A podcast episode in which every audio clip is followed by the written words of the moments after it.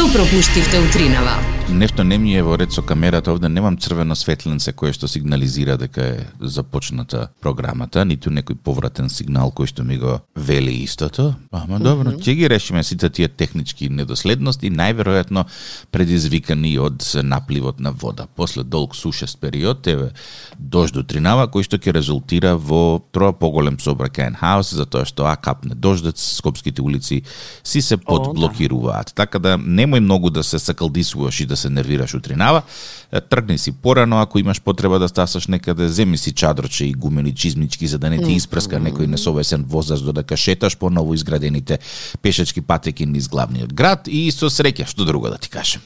Можам да ти кажам дека денес се очекува да биде врнежливо некаде до 15 часот во главниот град, меѓутоа она што мене особено ме радува е дека количината на дождец кој што од утринава почна да врне ќе се намалува согласно поминатите часови. Е веќе некаде од кај 16 часот се очекува стабилизација на времето и стабилизирано време, односно добро време добро се мисли во смисла на неврнежливо. Нема да биде лошо. Облачно, да, и сончево, во некоја мешавина, во некој сооднос од утре па се до недела, кога и температурите ќе се искачат до 22 степен.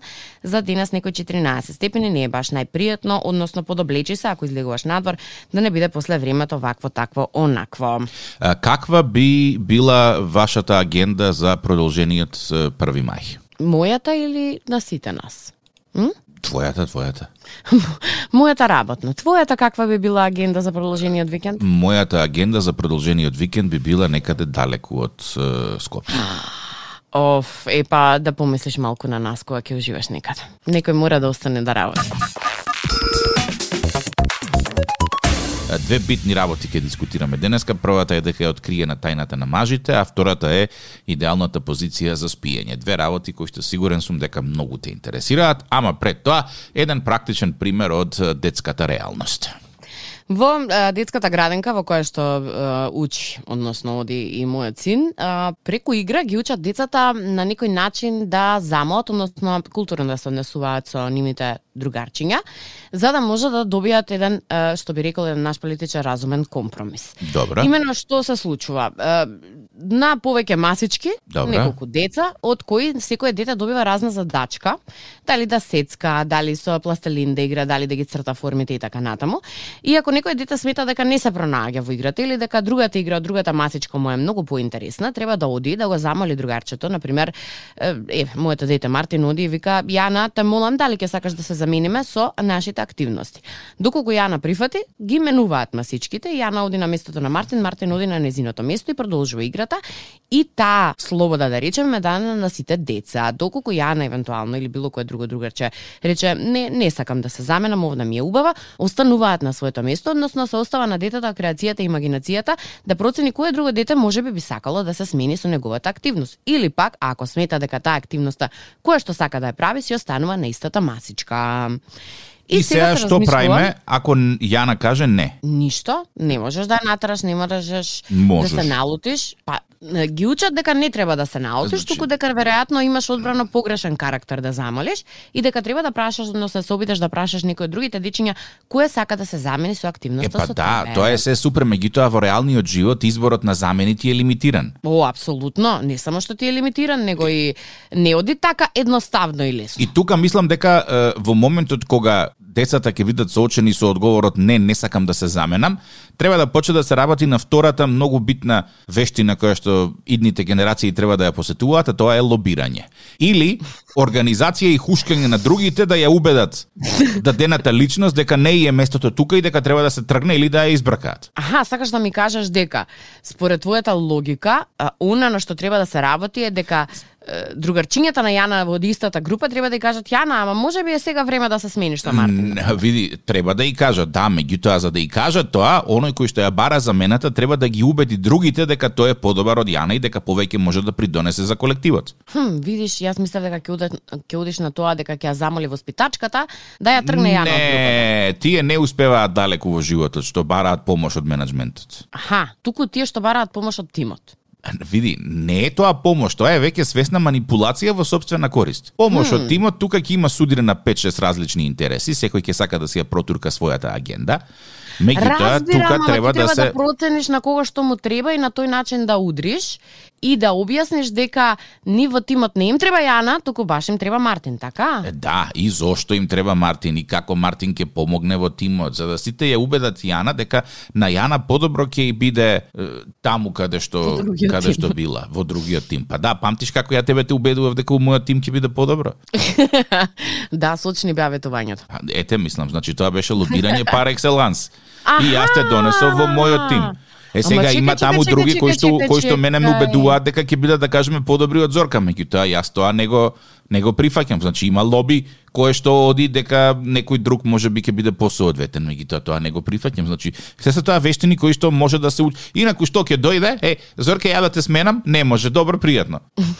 Значи, според тебе сакаш да ми кажеш дека тој што сака да ме смени, треба не да ти се обрати тебе директно, туку да се обрати на оние кои што не обкружуваат како тим и да ги убеди дека Зорка веќе не е подобна за таа позиција, туку дека да речеме не Зорка Петкана е Да. многу подобра да влезе во тимот. И ти на крај ќе немаш избор и ќе речеш окей, па види чим сите кажуваат, можеби на вистина е така. Е па не, сега види тука дали јас ќе имам избор или не, зависи од многу други фактори, да кажеме што пишува таму во мојот договор за бирање на партнерка за радио и така натаму и така натаму и Пишува така дека не натаму, да ме меѓутоа таму има, знаеш, пак супер е тоа што ги учат децата на комуникација. Да се навратам на тоа, меѓутоа освен таа комуникација која што може да заврши со едно да или не, не е се така црно-бело во животот. Значи, мислам дека треба да се учи и лобирање. И зошто Зорке во градинка не ги учат да буџетираат децата? Пари. Како мислиш? Мали се за пари. Вие не ви требаат пари. М, мислам дека многу свесно треба да се работи веќе од таа возраст да им се спомене вредноста на парите заради тоа што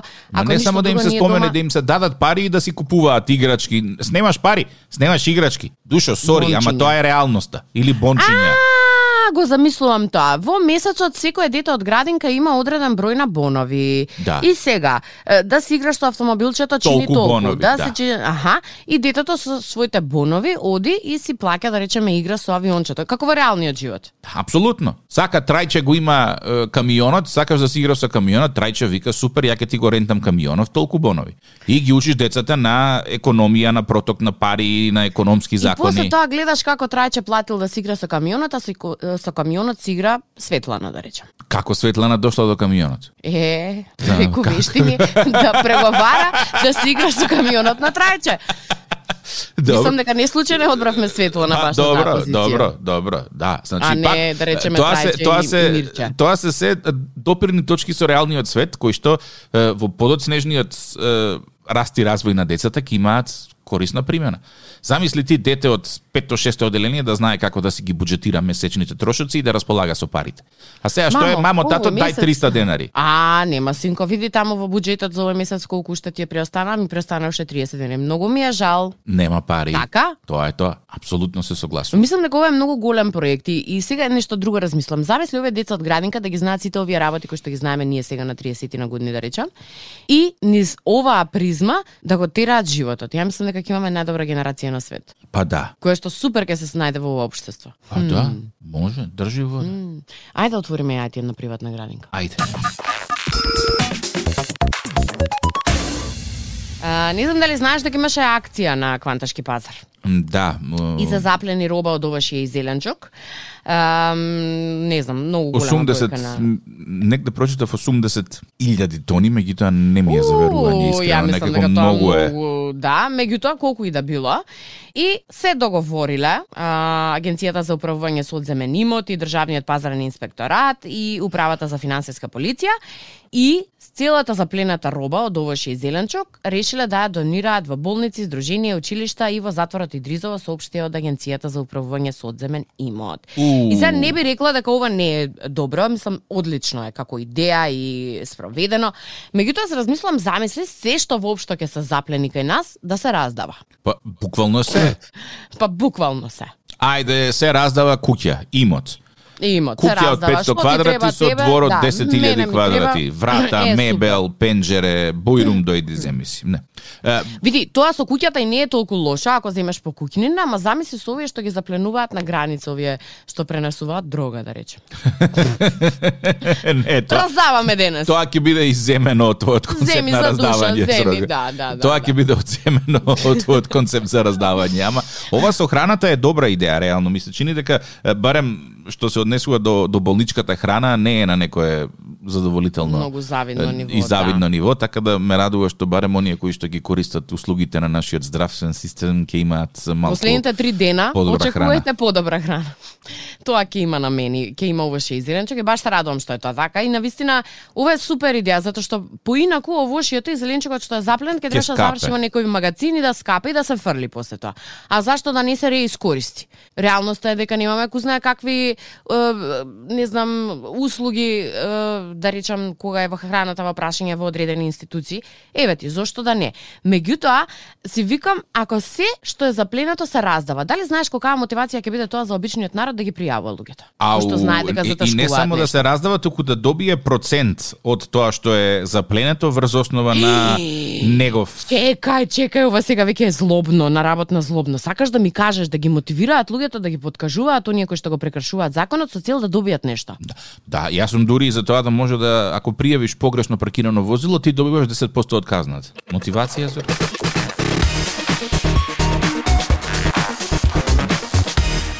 Една работа имам подготвено јас, една работа имам подготвено Зорка, одиме дамите имаат предност. Ух, моето е пострашно. Излезено е на ново истражување, кое што го подготвила една госпоѓа фина на база на неколку годишни истражувања. не знам дали пишува дека на лично искуство, ама може. Ма, Па дека кажа на истражување.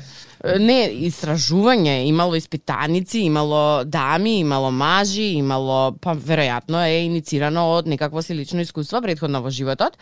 Се запрашала што е она што може да го пренесе на новите генерации, го издала сето тоа во една книга која што се вика The New Naked, а, жената се вика Фишер, Хари Фишер.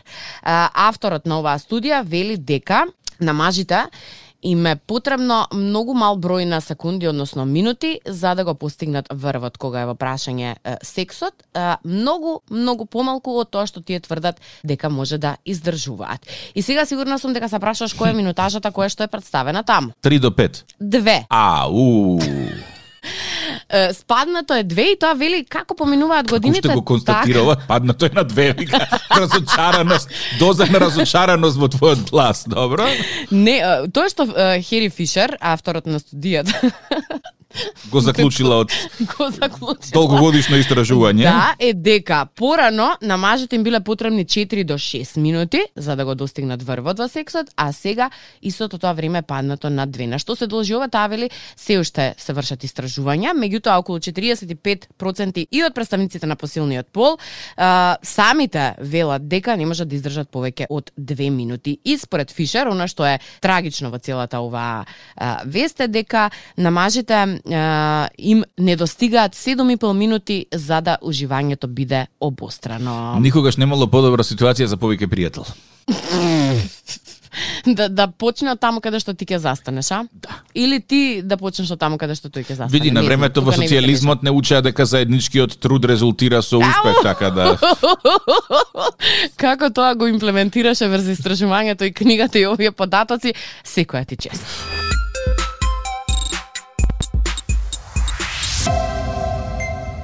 Од кревет, повторно во кревет, меѓутоа овој пат ќе зборуваме за спиење. Mm. Научно, пази, Добре. научно докажано кои се најдобрите пози за спиење. Ау, може аз да ти кажам? Ајде. Мојата е на стомак со ногата на страна. Леле, многу ја сакам таа поза. Е, е, доктор Роберт Хейден, е, киропрактик од е, Сојузната држава Грузија во САД, направил едно големо, големо обсежно истражување кое што траело 5 години и дошол до заклучок дека најдобра поза за спиење е спиење на страна. Спиењето на страна го одржува рбетот исправен и подреден, бидејќи ќе помогне да се спречат стресните точки кои можат да ги влошат зглобовите и сврзнатото ткиво и да предизвикаат воспаление на истите. Значи, онака, училишно како на реклами што покажуваат. Е, како на реклами Странично, што покажуваат, да. Спиењето на страна е од клучно значење за оние кои рчат или страдаат од апнеа при спиење, бидејќи помага да се одржат дишните патишта отворени, додава докторот. Вели, ако ви се чини дека е тешко да се спие така, на страна, пробајте да користите перница за тело. Е, зборуваме за оние кои што жените најчесто ги користат во бременост? Па да, јас гуглав што е тоа перница за тело и тоа е една како долга туба која што најверојатно ја ставаш Па има и како П, има и како подковици, има и долги само како како кобасици и mm -hmm. практично ја гушкаш перницата и ти помага да не се префрлиш на стомак, што би рекол народот. Mm, значи странично. Не ми се допаѓа тоа странично спиење, ич не ми се допаѓа. Многу сакам да спијам да речеме на стомак едно од омилените работи ми е, ама само што не знам што да правам со носов кај да го ставам. Тура киселини немаш никогаш кога спиеш на стомак? Па се трудам да вечерам многу рано за да до 9, 10, 11 кога легнувам веќе се преработи храната и немам мака со тоа. Така. Генерално мислиш да ми е тешко на стомакот кога да, спијам? Да, мислам целиот притисок удина на на стомак. Ако многу се најадеш, нема шанси да легнеш да спиеш. А и рбетот може да е кривичок така ако спиеш на на стомак. Сега, ја Ама трагедијата е дека не е пријатно. Барем мене не ми е пријатно. Нај нај невообичаена поза за спиење ми е онаа на грб. Јас ја викам мртовечка поза. Значи не знам како луѓе може да спијат и да заспијат така. Не знам, ама и на таа поза многу се хрчи. Е, се хрчи да затоа што ова душникот е отворен и целиот воздух проаѓа низ дишните патишта и ги прави тие чудни звуци. Um, не знам дали вида и колку користиш uh, Инстаграм користиш така, чат пат повеќе ја користам. Еден новитет кој што доаѓа и кој што ќе ги израдува многуте корисници на Инстаграм е дека во пределот кај што пишувате био, кој што најчесто гледам дека се користи за некоја мудра изрека од некој непознат мудрец, mm -hmm. можете сега да си додадете до пет линкови во описот, односно Ау. ако се занимаваш да речеме еве, тик-так изорка се ако ќе отворите пишува дека е утринска програма, дека од толку до толку одиме на радио 2 и така натаму, тука ќе можеме да ги ставиме да речеме линковите од последните пет емисии ако не сте ги прослушале за да ви да биде полесно и подостапно за пребарување наместо сега каде што имате само простор за еден линк и истиот на истиот нели треба да барате се она што ве интересира. Што мислам дека е супер новитет со оглед на тоа што веќе се преминува нели на поставување линкови и кликање на линкови, ќе биде полесно и за оние кои што имаат се ствара лавиринт од линкови просто анксиозност да те фати. Одиш кај тик-так и зорка на профил и таму имаш линк кој што те носи на друг линк на кој што треба да кликнеш за да те однесе на подкаст сајтот на TikTok и Зорка, кај што пак треба да кликнеш за да ги слушнеш. Ау, притисоков ми се качи. Е, сега тоа ќе се упрости со тоа што кога Само еднаш ќе кликаш. Да, само еднаш ќе кликнеш и директно си на линкот кој што ти е потребен.